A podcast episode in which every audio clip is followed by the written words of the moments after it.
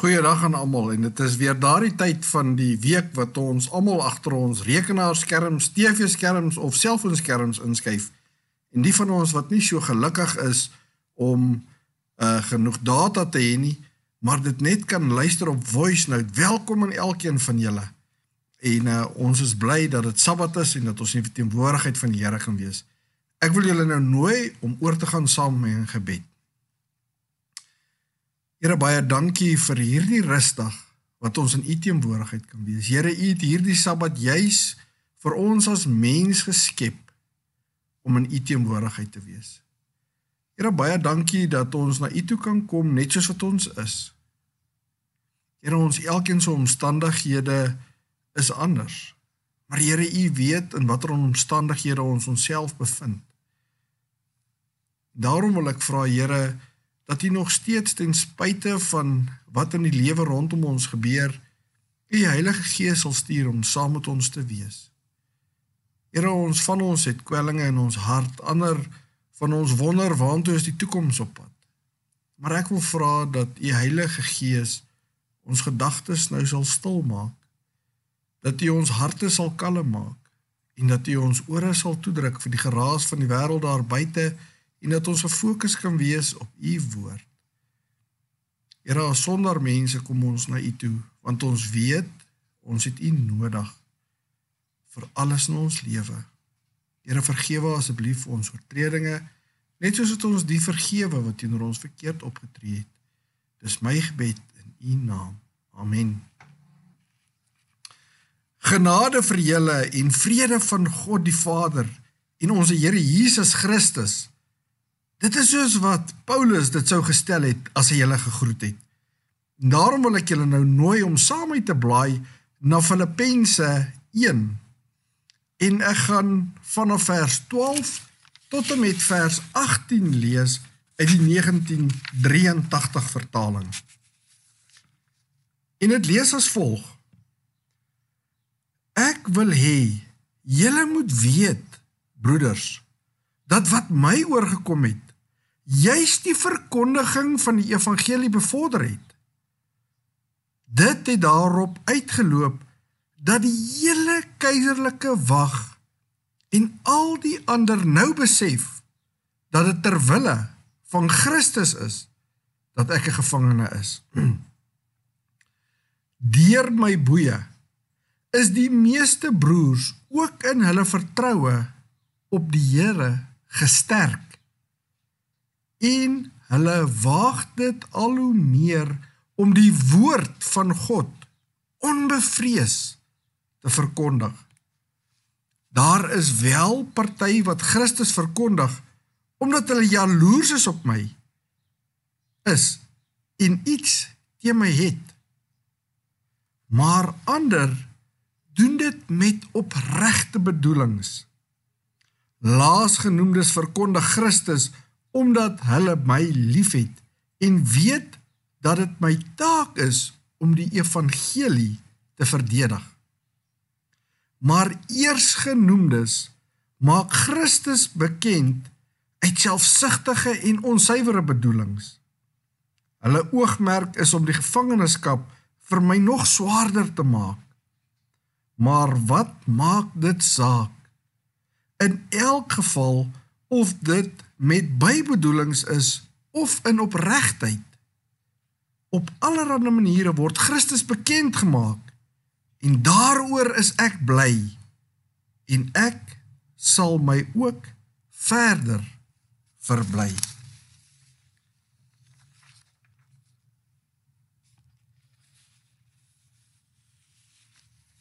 Dietrich Bonhoeffer is gebore op 4 Februarie 1906 As 'n laatmodern wêreld Duits protestante teoloog het hy hom beywer vir die eenheid in die Christelike kerk as ook die rol van Christendom in die sekulêre wêreld.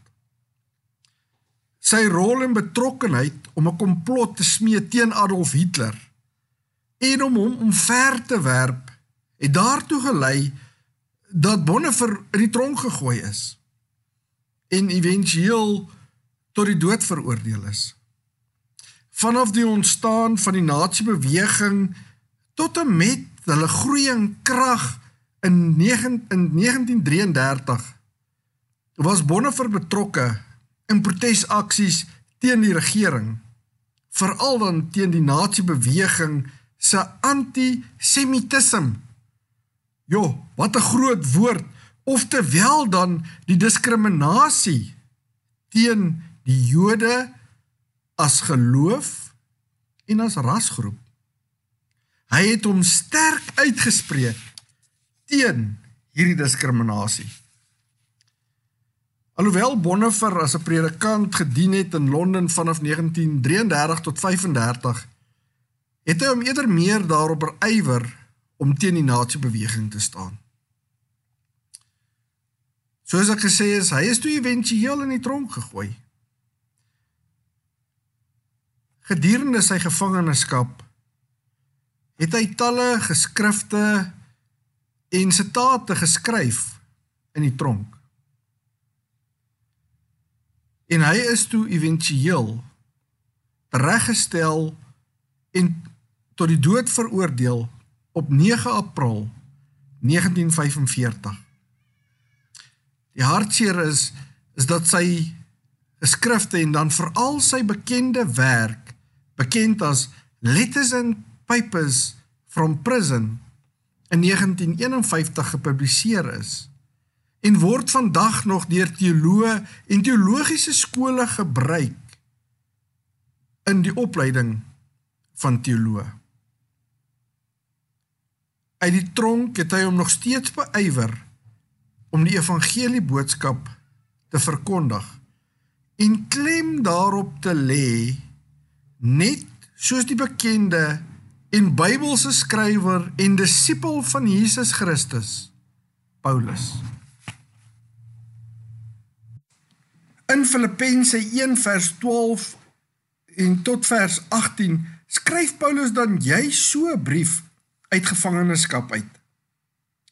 Na Paulus se normale opening seëngroet, soos wat ek julle gegroet het in vers 1 en 2, gaan Paulus oor tot dank aan God vir die mense van Filippi.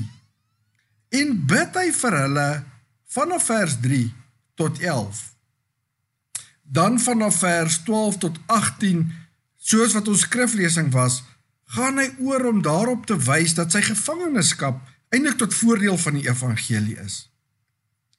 Vanaf vers 19 tot 26 sien hy daarna uit om vrygelaat te word na aanleiding van die mense wat vir hom bid. Vanaf vers 27 tot 30 moedig hy die mense van Filippi aan om te leef soos wat dit van 'n Christen betaam word om te leef. Volgens Filippense 1 vers 7 tot 13 en 17 is dit duidelik dat Paulus in gevangenskap was tydens die skryf van hierdie brief. Volgens Filippense 1 vers 20 is dit duidelik dat hy hom in 'n penarie bevind het en hy verwag dat hy moontlik die doodstraf kan ontvang. Hy bly egter hoopvol om spoedig vrygelaat te word en om weer by die mense van Filippi aan te sluit. Soos wat ons kan lees in Filippense 1 vers 25 tot 26 en dan ook Filippense 2 vers 23 tot 24. Dit is alles interessante inligting wat ons meegedeel word. Maar die plek waar Paulus homself in gevangenskap bevind, word nie eintlik met ons gedeel in hierdie teksgedeeltes nie. Volgens Handelinge 23 vers 33, Handelinge 24 vers 27 en 28 vers 16 kan ons wel die afleiding maak dat Paulus hom onderskeidelik vir tydperke van 2 jaar in Caesarea en in Rome in die tronk bevind het. Volgens 2 Korintiërs 11 vers 23 sê Paulus self dat hy hom meer in die tronk bevind het as enige van sy ander medegelowiges. of dan medewerkers in Christus. Die bekende skrywer Clement van Rome het geskryf dat Paulus hom 7 keer in die tronk bevind het. Volgens navorsing en Handelinge 28 vers 16 en 30 tot 31 was Paulus in Rome in 'n huurhuis aangehou.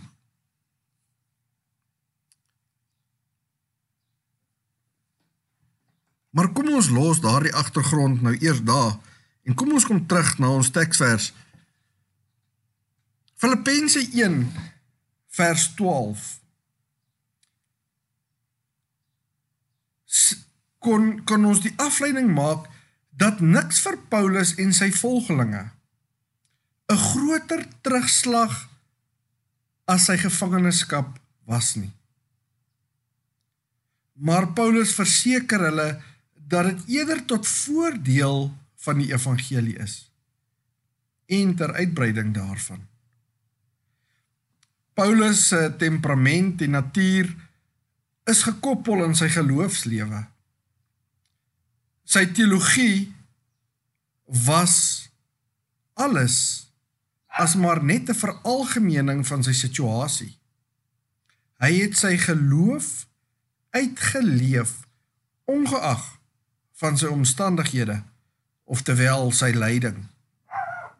In sy lyding of omstandighede het hy sy fokus en hoop op Jesus geplaas. Dit het 'n invloed gehad op die mense rondom hom en hierdeur het hy sy godsdiens en teologie uitgeleef. As ons moet gaan kyk na vers 13, het dit selfs 'n invloed gehad op die wat oor hom moes wag hou. Dis interessant dat as ek in die navorsing wat ek gedoen het, verwys die Grieks hierson na 'n plek soos 'n paleis waar hulle self kon bevind het. En daar is een ander plek in die Nuwe Testament waar dit verwys na dieselfde plek En dit was die plek waar Jesus in aanhouding was voor sy verhoor by Pontius Pilatus. Maar selfs hier het hy 'n invloed gehad op die wagte. In vers 14 van Filippense 1 kan ons dan sien dat dit 'n positiewe invloed gehad het ook op sy mede-prisoneers en mense wat die evangelie in woord moes verkondig en dit het hulle juis aangemoedig En dit het hulle hoop gegee in Christus. Vers 17. Maar die ander het uit liefde uit hierdie evangelie verkondig. Nie uit afguns nie. Daar was 'n stukkie, maar ek wil nie fokus op die negatief nie. Ek wil fokus op die positief. Hierdie wat uit liefde die evangelie verkondig het, omdat hulle weet dat hy wat Paulus is bestem is tot verdediging van die evangelie. Hulle het gesien Paulus staan op vir die evangelie. En daardeur het hulle ook die afleiding gemaak dat hy as ambassadeur van God of verteenwoordiger dan eintlik onskuldig in die tronk was. En dit as gevolg van sy geloof in Christus en die evangelie. En dit het eintlik vir Paulus se kort week om die evangelie te versprei en dit het die mense dan juis aangemoedig om namens Paulus die evangelie te versprei. Daarom is hulle nou gewillig. Want hulle het nou toegewy geraak tot die evangelie en tot Christus. Maar wat maak dit in alle geval sê vers 18 op allerlei wyse of dit onder 'n skyn of 'n waarheid is, word Christus verkondig. En hierin sê Paulus, verbly ek by en sal ek my ook verbly.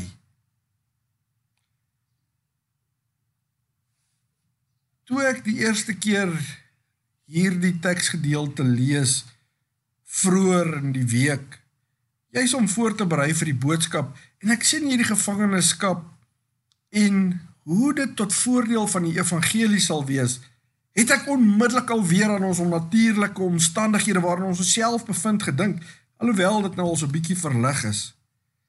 En het ek gedink aan hoe u en ek in huisarrest geplaas is as gevolg van COVID-19. Maar ek het ook gedink aan hoe die tegnologie of sosiale media nou ewe skielik aangewend word deur talle mense juis om die evangelie uit te dra en mense word bereik met die evangelie deur hierdie tegnologie sonder dat ons dit weet. Maar soos wat die week aangegaan het en hierdie teksverse op my begin groei het en ek die navorsing begin doen het, het dit vir my veel verder begin gaan net as COVID-19 of 9 ek weet nie eers wat dit is nie. Al wat ek weet is as gevolg van 'n siekte toestand in die wêreld is ek nou soos 'n prisonier in my eie huis. En dit het my laat dink watter lyding of smarte ellende of pyne het een u lewe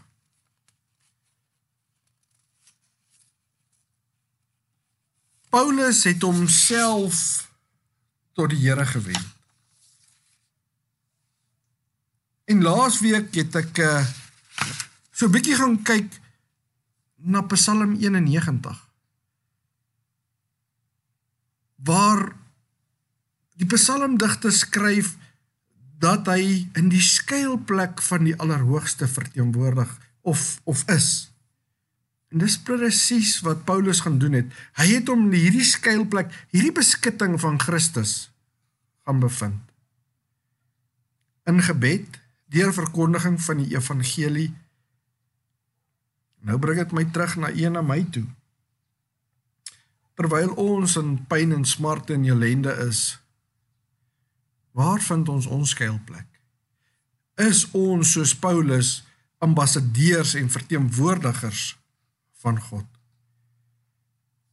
Ons ellende hoef nie noodwendig as prisoniers of gevangenskap te wees nie.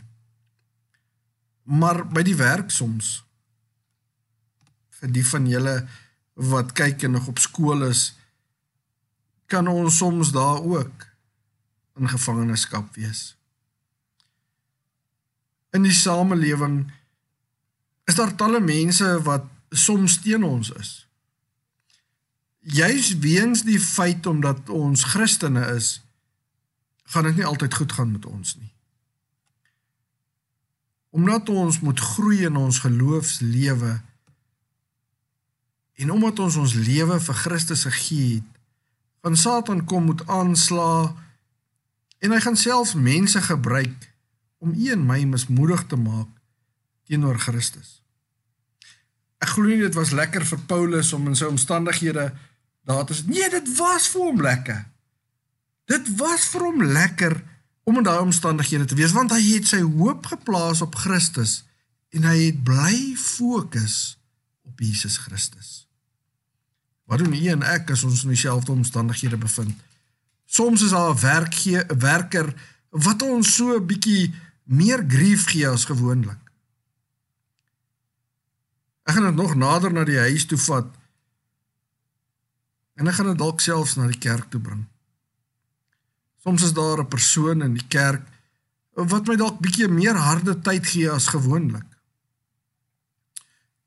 En soos wat ek baie keer sê, iemand is nie noodwendig van die duiwel nie. Maar op daardie oomblik kan daardie persoon sonder dat hy dit besef 'n instrument wees in die hand van Satan. Onthou een ding. U en ek word beproef in ons lewe. Maar hierdie beproewing dra by tot die groei in ons geloofslewe. Satan kan kom met die met die aanslag, met die versoekinge. Maar die keuse berus by u en by my. Of ons wil val daarin of nie.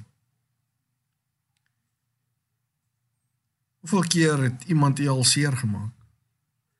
Hoeveel keer moes ons al om vergifnis vra? Baie keer wil mense nie eers ons vergifnis aanvaar nie. maar nog steeds is dit hoe ek teenoor daardie persoon of persone of daardie mense by die werk optree wat dalk my kristendom aan hulle kan wys. Is dit dalk juis op daardie manier net soos wat Paulus se teologie en sy geloof om mekaar gekoppel was dat sy werke en sy dade gepas het by sy geloof. Pas u en my werke en ons dade by ons geloof?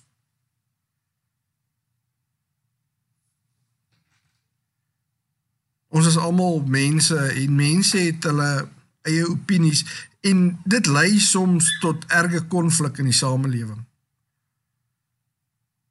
Want ons sien nie almal alles dieselfde nie.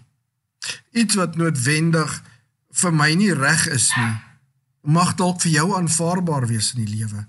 Maar net so kan die teenoorgestelde ook wees dat dit wat vir jou onaanvaarbaar is, vir my weer reg is. Waarop fokus u en ek? Paulus en Bonhoeffer glo ek het albei in hulle lyding deur bly hoop en fokus op Jesus.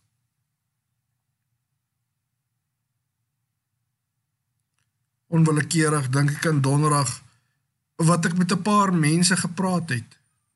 Ek het met meer as een mense gepraat. Ek het met 2, 3, 4 mense gepraat en elkeen in 'n ander omstandigheid. Party wat gesukkel het in pyn en in lyding. Ander wat vasgevang is in ouderdom. Ander wat vasgevang is in in werksomstandighede wat nie altyd dalk ten gunste van hulle is nie.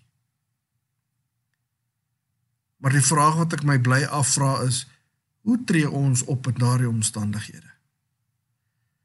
As my werkgewer of my vernoot of vriend by die werk as ons dit 'n vriend kan noem, vir my die lewe dalk so moeilik maak dat ek net voel ek wil nie meer daar werk nie. Of die pyn my lewe is net te erg. Ek kan dit nie meer verduur nie, ek wil nie meer lewe nie. Maar dan vra ek my weer die vraag af op wie plaas ek my hoop en my fokus? Ek dink onwillekeurig aan 'n ander keer wat Paulus geskryf het, ten spyte van die doring in sy vlees, juig hy in Jesus Christus. As ons ons fokus plaas op Jesus, kan dit dalk ons omstandighede so bietjie ligter maak. Om honger te gaan slaap is nie maklik nie. Selfs in hierdie week het ek by myself 'n paar uitdagings gehad en en het ek self 'n paar vrae gevra. Maar mense sien goed anders as ek. En dit is wat ek vir u wil vra en sê. As ambassadeur van Jesus Christus. Kom ons plaas ons hoop en ons fokus op hom. En en hoe het Paulus dit gedoen? Dieselfde soos wat die psalmdigter geskryf het en waar hy gesê het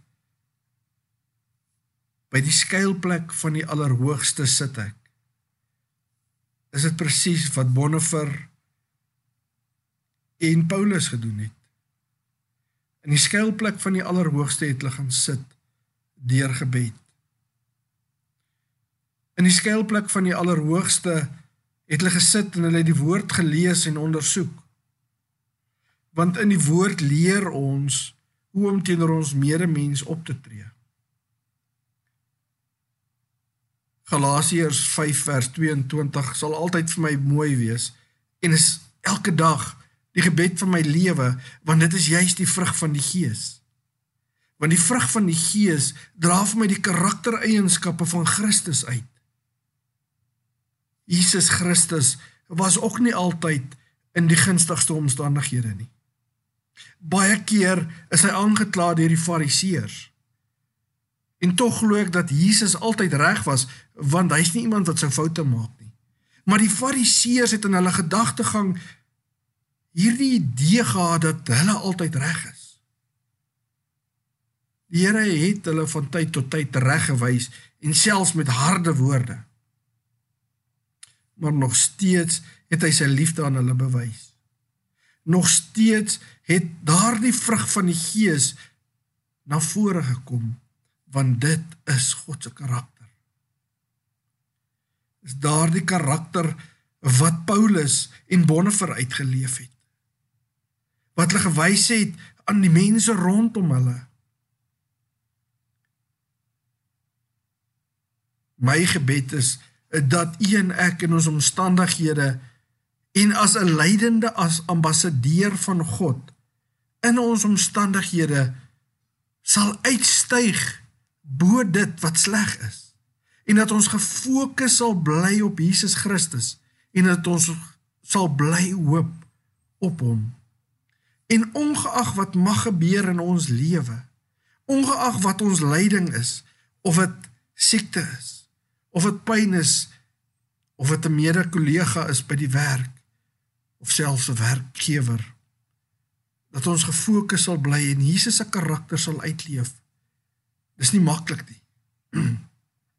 ons is menslik. Ja en en soms wil ons opstandig raak. Maar as ons ook soos die psalmdigter in die skuilplek van die Allerhoogste gaan sit wat beteken ek soek my beskerming by Jesus. Ek wil in sy teenwoordigheid wees deur gebed en deur die ondersoek van die woord. Dan glo ek dat die Here ons bo ons omstandighede gaan uitlig en dat ons dan net soos Bonhoeffer en Paulus kan juig in ons gevangenskap van hierdie wêreld waarin ons vasgevang is. En dat ons daardeur die evangelie kan verkondig in ons optrede. En dat net soos wat ons heidaglik sosiale media gebruik, elke individu die evangelie kan uitdra net soos wat die ander dit gedoen het in Paulus se tyd. My gebed vir u en vir my is dan dat ons sal as leidende ambassadeurs van God sal dien en sal fokus op Jesus en ons hoop sal plaas op hom. Amen. Kom ons sluit ons oë vir 'n gebed. Here baie baie dankie dat ek as mens kan weet ek bo my omstandighede kan uitstyg deur my fokus op U te plaas en op U te hoop. Dankie dat Paulus ten spyte van sy omstandighede vir my hierdie brief geskryf het om my as mens hoop te gee. Here, dankie dat ek kon lees oor 'n man soos Bonhoeffer wat ten spyte van omstandighede opgestaan het vir U. Here, ons is elkeen mens op ons eie. Maar Jesus Christus het ook vir ons opgestaan. Nommer 1 het hy opgestaan as mens en hy het vir ons kom wys hoe ons moet lewe. Nommer 2 Here het U uit die dood uit opgestaan om ons sodoende hoop te gee op die ewige lewe. Mag ons gefokus wees op U wat ons ewige hoop is. Dit is my gebed in U naam. Amen.